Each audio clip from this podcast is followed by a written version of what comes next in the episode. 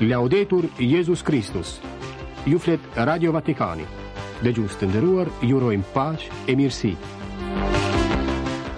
Në fillim të programit të tetë shkurtit argumentet kryesore Pa reformë liturgjike nuk ka reformë të kishës, pohoi papa në fjalimin e drejtuar pjesëmarrësve të plenarës së dikasterit të Vatikanit për kultin hyjnor dhe disiplinën e sakramenteve. Ati i shenjtë priti në audiencë pjesëmarrësit në konferencën ndërkombëtare për formimin e vazhdueshëm të meshtarëve që po mbahet në Vatikan deri më 10 shkurt. pranë njerëzve për të mos u ndjerë të gjithëpushtetshëm, u tha atyre. Papa Françesku në mesazhin e tij për ditën e 10 botërore të lutjes dhe reflektimit kundër trafikimit të qenieve njerëzore pohon, ata që mbyllin sytë dhe veshët janë bashkëpunëtorë të tregtisë së skllevërve. Në rubrikën tonë Çelësi i fjalëve të kishës do të shpjegojmë Echo Chamber dhe Machine Learning, Marrë nga mesazhi i Papës Françeskut për ditën e 58 botërore të komunikimit shoqëror kushtuar inteligjencës artificiale dhe përdorimit të saj. Më 8 shkurt kalendari kishtar përkujton Shën Xhuzepina Bakitën afrikane. E lajme të tjera. Një përshëndetje të përzemërt nga redaksia e Gjuhës Shqipe. Në mikrofon Klaudia Bumçi e Katerina Nushi. Nga aktiviteti i Papës dhe i Vatikanit. 60 vjet pas shpalljes së Kushtetutës së Koncilit të Dytë të Vatikanit, Sacrosanctum Concilium, fjalët që lexojmë në parathënien e këtij dokumenti, me të cilin etërit shpallën qëllimin e Koncilit, vazhdojnë të na emocionojnë. Ato janë objektiva që përshkruajnë një vullnet të saktë për të reformuar kishën në përmasat e saj themelore, për ta bërë jetën e krishterë të besimtarëve të zhvillohet çdo ditë e më shumë, për t'i përshtatur sa më mirë institucionet që i nënshtrohen ndryshimit të nevojave që ka koha jonë, për të favorizuar atë që mund të kontribuojë në bashkimin e gjithë besimtarëve në Krishtin, për të rigjallëruar atë që ndihmon për t'i thirrur të gjithë në gjirin e kishës. Kështu u tha Papa pjesëmarrësve të Asamblesë Plenare të Dikasterit të Vatikanit për kultin hyjnor dhe disiplinën e sakramenteve në audiencën e mbajtur sot paradite në Vatikan. Senza riforma liturgica non c'è riforma della Chiesa. Pa reformë liturgjike, nënvizoi Françesku, nuk ka reformë të Kishës. Ne mund ta bëjmë një pohim të tillë vetëm duke kuptuar se çfarë është liturgjia në domethënien teologjike. Një kishë që nuk ndjen pasionin për rritje shpirtërore, që nuk kërkon t'u flasë në mënyrë të kuptueshme burrave dhe grave të kohës së saj, një kishë e cila nuk ndjen dhimbje nga ndarja ndërmjet të krishterëve, nuk dridhet nga ankthi i kumtimit të Krishtit para njerëzve, është kishë e sëmurë. Çdo reformë në kishë është gjithmonë çështje e besnikërisë bashkëshortore. Kisha si nuse do të jetë gjithnjë e më e bukur, sa më shumë ta dojë Krishtin dhëndër, deri në atë pikë sa t'i përkasë plotësisht, deri në konformim të plotë me të. La chiesa è donna e la chiesa è madre. Dhe Kisha, kujton akoma Papa, është grua, Kisha është nënë, Kisha ka figurën e saj në Marinë dhe Kisha grua, Figura e së cilës është Maria është më shumë se Pjetri, domethënë se ajo është diçka tjetër. Nuk mund të reduktohet çdo gjë në shërbesë a në mbarështim. Gruaja në vetvete ka një simbol shumë të madh në kishë si grua, pa e reduktuar atë në shërbim a në mbarështim. Prandaj thashë se çdo rast i reformës kishës është gjithmonë çështje besnikërie bashkëshortore, sepse ajo është grua. Liturgjia është vendi par excellence ku mund të takosh Krishtin e gjallë. Për këtë është i nevojshëm formimi liturgjik, domethënë formimi në liturgji dhe nga liturgjia. Ky nuk është një specializim për disa ekspertë, por një prirje e brendshme gjithë popullit Zotit. Në frymin e bashkëpunimit sinodal ndërmjet dikastereve të Selisë Shenjtë, dëshiroj, urdhëroi papa, që çështja e formimit liturgjik të shërbëtorëve të shuguruar të trajtohet edhe me dikasterin për kulturë dhe arsim, edhe me dikasterin për klerin dhe me dikasterin për institutet e jetës së kushtuar dhe shoqëritë e jetës apostolike, në mënyrë që secili të japë kontributin e vet specifik. Vostro compito è grande e bello. Lavorare perché il popolo di Dio cresca nella consapevolezza. Detyra juaj, përfundoi Papa Françesku, është e madhe dhe e bukur. Të punojmë në mënyrë që populli i Hyjit të rritet në vetëdijen dhe gëzimin e takimit me Zotin, duke kremtuar misteret e shenjta dhe duke e takuar atë të ketë jetën në emër të Tij. Shërbëtorë e jo sipërmarrës, dëshmitarë më parë se profesorë, dishepuj e jo zotërinj, pjesë e popullit, pranë dhimbjeve dhe gëzimeve të njerëzve, që të shmangin rrezikun e shkëputjes nga realiteti, të mos ndihen të gjithëpushtetshëm, gjë që është rrënjë e çdo abuzimi. të mëshirshëm me ata që vijnë për t'u rrëfyer e për të kërkuar falje, e jo për të dëgjuar leksione teologjie, pa pasur frikë se mos e teprojnë me butësinë. Janë këshilla shumë konkrete ato që u dha sot Papa pjesëmarrësve në konferencën ndërkombëtare për formimin e vazhdueshëm të meshtarëve, organizuar nga Dikasteri Vatikanas për Klerin. Ati i Shenjtë i priti në audiencë sot paradite në sallën e Palit të Gjashtë, shoqëruar nga prefekti, kardinali You Heung-sik, ndërsa konferenca, që filloi më gjashtë shkurt, do të përfundojë në datën dhjetë. Papa u përvijoi priftinjve tri rrugë për gjallërimin e dhuratës së meshtarisë. Primo la gioia del Vangelo Secondo l'appartenenza al popolo, terzo la generatività del servizio. Gëzimin e ungjillit, përkatësinë në popull, shërbimin që bën të lindë risi. Të jeni dëshmitarë, para se të jeni profesorë, pohoi Françesku, dëshmitarë të dashurisë së Zotit, e vetmja që ka rëndësi. E kur ndokush nuk është i aftë të jetë dëshmitar, është i trishtë, është shumë e trishtueshme kjo. Solo accogliendo e custodiendo la gioia del Vangelo. Vetëm duke jetuar gëzimin e Ungjillit vërejti më tej Ati i Shenjtë, mund t'u çojmë gëzim të tjerëve. Ky është shërbimi i vërtetë për të cilin duhet të punojë meshtari, pa u kthyer në sipërmarrës të fesë, por duke u ndier gjithmonë dishepull i Krishtit Jo zotëri, për këtë nevojitet një formim i gjithanshëm njerëzor, theksoi Papa, pasi të jesh dishepull nuk është maskim me rrobat e fesë, por mënyrë jetese që kërkon kujdes për humanizmin e secilit. Një herë, tregoi Françesku, një meshtar i vjetër më tha, Kur prifti nuk është në gjendje të luajë me fëmijët, është i humbur. Është provë kjo. Kemi nevojë për meshtarë krejtësisht njerëzorë, që luajnë me fëmijët e përkdhelin të moshuarit, të aftë për marrëdhënie të mira, të pjekur në përballimin e sfidave të shërbesës, që ngushëllimi i Ungjillit të arrijë tek populli i Zotit përmes humanizmit të tyre, shndërruar nga shpirti i Jezu Krishtit. Papa u kërkoi meshtarëve të mos e harrojnë forcën humanizuese të ungjillit e të mos bëhen të hidhur si beqarët fatpadalë. Ata i përkasin popullit të Zotit, i cili i mbështet, i shoqëron, i ruan nga rreziku për t'u ndier të gjithëpushtetshëm. Ky rrezik, nënvizoi Ati i Shenjtë, është rrënjë e çdo abuzimi. Të ecësh me popullin e Zotit është ushtrim sinodaliteti, vuri në dukje Françesku, i cili u kërkoi meshtarëve të ecin së bashku edhe me ipeshkvijtë dhe me sivëllezërit, pa i harruar rrënjët e historinë, familjen, popullin nga e kanë origjinën. Së fundi shërbimi që është distinktivi i ministrave të Krishtit, vërejti Papa, i cili u kërkoi përgjegjësve për formimin e meshtarëve, t'i inkurajojnë ata në këtë rrugë, t'i ndihmojnë në shoshitje në vështirësi, duke i mbështetur në përballimin e sfidave baritore. Vetëm kështu, ata do të dinë të vihen në shërbim të popullit të Zotit, sipas shembullit të Jezu Krishtit, duke u kthyer në nëna e baballarë për ata që u janë besuar. Françesku përdori shprehjen pastorale generativa, baritori gjenerative, duke nënkuptuar atë lloj pune me njerëzit që i bën të lindin për një jetë të re, pasi zemra e tyre është vaditur me ujin e gjallë të ungjillit. E pastaj çështja e rrëfimit për të cilin Papa i këshilloi meshtarët të mirëpresin gjithnjë besimtarët e penduar e t'i falin, duke pasur parasysh se duhet tregohen të mëshirshëm e jo t'u bëjnë atyre leksione teologjie. Perdonate sempre. Gjithmonë falni, sepse falja ka hirin e përkëdheljes të mirëpritjes. Falja është gjithmonë përtëritëse. Jua këshilloj këtë.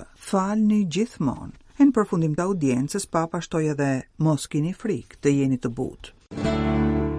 Nuk është kurrë vonë për të vendosur për të reaguar ndaj trafikimit të qenieve njerëzore, një dramë globale. Papa na nxit të hapim jetët tona, zemrat tona për shumë motra e vëllezër që trajtohen si skllevër, sepse shkruan Ati i Shenjtë Françesku në mesazhin e tij për ditën e sotme botërore kundër trafikimit të qenieve njerëzore, Nëse i mbyllim sytë dhe veshët, nëse qëndrojmë inertë, ne do të jemi bashkëfajtorë. Përvjetori tashmë në edicionin e tij të 10, sivjet ka si temë Të ecësh për dinjitetin, të dëgjosh, të ëndërrosh, të veprosh. Shënohet si zakonisht në ditën e kujtimit liturgjik të Shën Jozefinës Bakita. Papa na fton të ecim në gjurmët e murgeshës sudaneze, e cila si fëmijë u shit si skllave dhe ishte viktimë e trafikimit të qenieve njerëzore. Ati i Shenjtë na kërkon t'i kujtojmë padrejtësitë që pësoi, vuajtjet e saj, por edhe forcën dhe rrugën e saj drejt çlirimit dhe rilindjes drejt një jete të re. Shën Bakita, shpjegon Ati i Shenjtë Françesku, na inkurajon të hapim sytë e veshët, të shohim të padukshmen dhe të dëgjojmë ata që nuk kanë zë, të njohim dinjitetin e secilit dhe të veprojmë kundër trafikimit e kundër çdo forme shfrytëzimi. Në kujtimin e kësaj shenjteje, jemi të thirrur të gjithë të mos rrimë në vend, por t'i mobilizojmë të gjitha forcat, t'i përgjigjemi thirrjes për transformimin e realitetit, duke shkuar në rrënjët e këtij fenomeni, për t'i zhdukur shkaqet e tij. Prandaj Papa na nxit të reagojmë ndaj kulturës së indiferencës që na anestetizon dhe lëvdëron ata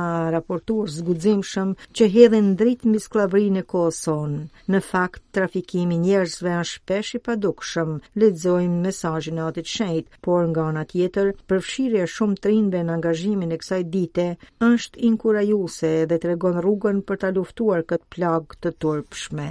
Ati i Shenjtë Bergolio na kërkon të dëgjojmë thirrjen, dëgjo, ëndërro dhe vepro, për të ndihmuar ata njerëz që ende vuajnë në konflikte apo luftëra, ata që janë të prekur nga pasojat e ndryshimeve klimatike, migrantët që janë të detyruar të braktisin vendlindjet dhe ata që janë objekt i shfrytëzimit seksual ose në punë, në veçanti gratë e vajzat. Le të kthehemi në ëndërrimin e një bote në të cilën, shkruan Papa në mesazhin e ditës së sotme botërore kundër trafikimit të qenieve njerëzore, njerëzit mund të jetojnë në liri dhe me dinjitet. Prandaj, Ati i Shenjtë na inkurajon ta shndërrojmë këtë ëndërr në realitet, nëpërmjet veprimeve konkrete për të luftuar trafikimin e njerëzve, të lutemi dhe të veprojmë individualisht, në familje, në famullitë kishtare, si edhe në fushat e ndryshme shoqërore dhe në politikë për këtë kauzë dinjiteti.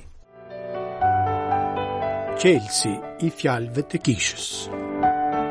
Më 24 janar, Papa Francesku bëri të ditur mesazhin e tij për ditën e 58 botërore të komunikimit shoqëror, kushtuar inteligjencës artificiale dhe përdorimit të saj. Pikërisht në të, ati i shenjtë përdor një sërë fjalësh relativisht të reja, që kanë të bëjnë me përdorimin negativ të inteligjencës artificiale, e cila mund të prodhojë lajme të rreme, manipulime e dezinformim. Ndër këto fjalë janë echo chamber dhe machine learning, të cilat do t'i shpjegojmë sot. Echo Chamber ose dhoma e jehonës apo dhoma e rezonancës është vend online në cilin idetë dhe opinionet tona përforcohen e konfirmohen. Pikërisht për këtë arsye shpesh i frekuentojmë pa e ditur. Ç'do të thotë kjo? Kur informohemi në internet, nuk lëvizim në boshllëk. Veprimet dhe kërkimet tona kushtëzohen nga informacionet dhe opinionet që kemi për argumentin e caktuar. Pavarësisht se synojmë t'i zgjerojmë njohuritë për atë argument, ka shumë mundësi gjejmë përmbajtje që përputhen me idetë tona mbi të. Në këtë kuadër mund të hyjmë edhe pa e ditur në bashkësi e në rrjete shoqërore, ku idetë tona përforcohen ose, siç thuhet në këtë rast, gjejnë jehonë, duke lënë jashtë opinionet që konsiderohen të ndryshme. Pikërisht kjo është baza e krijimit të dhomave të rezonancës, ku na çon algoritmi i internetit që personalizon përmbajtjen në mënyrë që të na drejtojë kah ajo bashkësi që e mendon si ne. Dy janë mekanizmat në bazën e këtij fenomeni, nevoja për konfirmim dhe nevoja për përkatësi. Psikologjikisht kemi nevojë të gjejmë tek të tjerët konfirmimin e opinioneve tona dhe për rrjedhojë të ndihemi pjesë e atij grupi që e mendon si ne. Siç mund të kuptohet lehtë, dhomat e rezonancës mund të kenë pasoja negative, kur i izolojnë grupet nga informacioni i ndryshëm prej atij që qarkullon brenda tyre. Kështu njerëzit fillojnë të mendojnë se të gjithë kanë të njëjtat bindje si ata. Kjo i hap rrugën manipulimeve për lloj-lloj qëllimesh, sidomos politike, duke i bërë njerëzit gjithnjë më integralistë, pasi brenda dhomave përjashtohet çdo lloj dialogu me ide të tjera e si rrjedhim çdo hipotezë kompromisi. Në këtë skenar, përpjekja për të nxjerrë në shesh mashtrimet e lajmet e gënjeshtërta është tejet e vështirë dhe e vë demistifikatorin ballë për ballë me krejt grupin. Fjala tjetër që përmend Papa Francesco në mesazhin e tij për ditën botërore të komunikimeve shoqërore është machine learning apo makinë që mëson. Në thelb, në programimin e një makinerie parashikohet edhe mundësia për të mësuar vetvetiu nga të dhënat që mbërrin në aparat pa i dhënë makinës ndonjë instruksion të veçantë për këtë. Këto lloj algoritmesh përdoren gjerësisht në mjekësi, në filtrimin e maileve, në njohjen e zërit ose në vizionin artificial, ku është e vështirë të parashikohen programe të zakonshme për kryerjen e detyrave të kërkuara. Pavarësisht se termi machine learning u përdor për herë të parë nga Arthur Samuel në vitin 1959, ideja e makinës që mëson duke u bërë më inteligjente, i përket matematicienit e filozofit të njohur britanik Alan Turing. Ai shtroi pyetjen, a mund të mendojnë makinat? Që atëherë deri më sot, përparimi teknik dhe reflektimi mbi këtë çështje e ka ndryshuar pyetjen në a mund të bëjnë makinat atë që ne Qenie inteligjente mund të bëjmë? Duke e thjeshtësuar çështjen, mund të themi se makina e programuar nga njeriu mëson gjëra të reja nëse e përmirëson punën e saj pasi ka kryer një detyrë të caktuar. A nuk funksionon kështu edhe truri i njeriut? Machine Learning gjen zbatime në shumë fusha të jetës, si për shembull në guidën automatike të makinave, në klasifikimin e strukturave të reja astronomike, në lojërat për kompjuter, në financë, në projektimet e inxhinierisë ose të arkitekturës e në shumë të tjera. Natyrisht hapen edhe një sërë problemesh etike, për të cilat e ngre zërin Papa Françesku. Makina që mëson ka nevojë të stërvitet, siç thuhet në zhargonin shkencor, pra duhet furnizuar me një sërë të dhënash të cilat ajo i përpunon duke e përmirësuar realizimin e detyrës që i është caktuar. Nëse i jepen të dhëna të rreme ose të ndryshuara qëllimisht, makina e cila nuk është e pajisur me moralin që e ka vetëm njeriu, prodhon paragjykime, që mund të jenë tejet të rrezikshme, si racizmi apo klasizmi për shembull. Këto paragjykime, së bashku me jehonën që mund të marrin në dhomat e rezonancës për të cilat folëm më sipër, mund të ndikojnë në shoqëri, në rezultatin e zgjedhjeve, në përhapjen e opinioneve që edhe kur nuk janë, paraqiten si ide të shumicës së njerëzve. Rreziku më i madh për të cilin po diskutohet tashmë në gjithë botën është që makinat, pavarësisht se nuk e kanë në programimin e tyre këtë pushtet, të marrin vendime duke zëvendësuar njeriun. Sot, 8 shkurt, kalendari kishtar përkujton Shën Jozefina Bakitën, virgjër, skllave sudaneze, e liruar e më pas murgeshë kanosiane, shpallur shenjte në vitin 2000. Tani, pajtore qiellore e viktimave të trafikut, e cila i provoi personalisht vuajtjet e skllavërisë. Tregtia e njerëzve, krim kundër njerëzimit, është një nga skllavëritë më të turpshme të shekullit 21, viktimë e cilës janë miliona njerëz, shumica gra e fëmijë. Xhuzepina Bakita lindi në Sudan në vitin 1869. Iu desh të provonte ankthin e rrëmbimit e skllavërisë. si u shit disa herë në tregjet e skllevërve në El Obeid e në Kartum, u ble më në fund nga konsulli italian. Me të shkoi në Venedik, ku u njoh me motrat kanosiane. Xhuzepina iu lut atyre ta ndihmonin për ta njohur atë Zot të cilin e kishte ndjerë në zemër pa e ditur akoma se kush ishte. E u tregonte motrave rregulltare. Duke parë diellin, hënën e yjet, thosha me vete, kush do të jetë zotëria i këtyre sendeve? E ndjeja një dëshirë të zjarrtë për ta parë, për ta njohur e për ta nderuar. Jetoi 50 vjet me radhë, duke shërbyer në shtëpinë e simotrave të cilat e nderonin për ëmbëlsinë e saj të përhershme, për mirësinë e saj e për dëshirën që të njihte Zotin. dha shpirt më tetë shkurt të vitit një mijë e nëntëqind e dyzet e shtatë, rrethuar nga simotrat dhe nga një turmë e madhe njerëzish që u mblodh për t'i dhënë lamtumirën e fundit Nënës së Shenjtë Zeshkane e për t'i kërkuar ndërmjetësim nga qielli. Të dashur dëgjues, këtu përfundon edhe programi ynë për sot. Ju falenderojmë për vëmendjen e mirudëgjofshim nesër. Laudetur Jezus Kristus.